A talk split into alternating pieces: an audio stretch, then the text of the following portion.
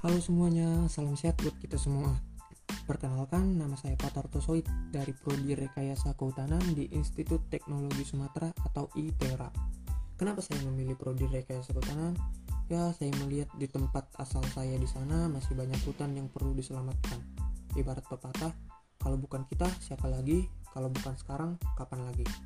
Nah, sekian dari perkenalan tentang saya. Di sini saya ingin menyampaikan planning masa depan saya.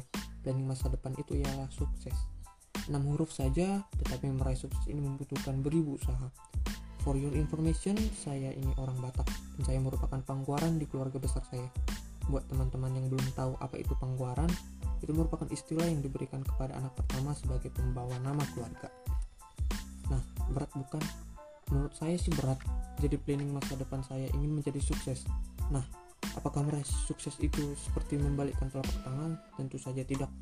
Banyak usaha yang harus dilakukan. Seperti contoh, yang pertama yaitu berdoa. Dalam setiap rencana yang kita buat dalam hidup kita, kita harus melibatkan Tuhan agar segala rencana kita itu diperlancar. Nah, selanjutnya belajar dengan giat. Menurut saya kedua hal ini yang paling penting, penting dilakukan dalam mencapai kesuksesan.